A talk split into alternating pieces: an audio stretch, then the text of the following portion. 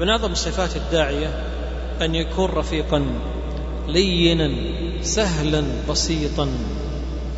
رسولنا صلى الله عليه وسلم يأتيه الوحي من الله بالتوجيه الرباني بأن يكون سهلا مع الناس رفيقا بهم ذا قلب رقيق معهم.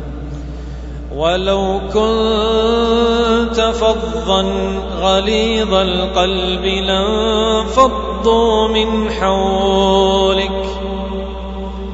مع أنه رسول الله والذي يأتيه الوحي من الله صباحا ومساء إلا أن ذلك كله لا يكفي لأن يلتف الناس حولك وينتفعوا بك. إن لم يكن لديك خلق حسن إن لم تكن تملك قلبا رحيما.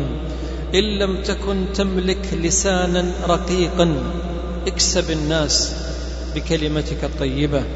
عندما تنكر المنكر عندما تحاور غيرك كن لطيفا استخدم أجمل وأهدى الألفاظ والكلمات في قاموسك حتى تنجح في دعوتك حتى تؤثر في غيرك. الكلمة الطيبة صدقة. الكلمة تصنع التأثير والحب والإقناع أكثر من رفع الأصوات والصراخ والعويل.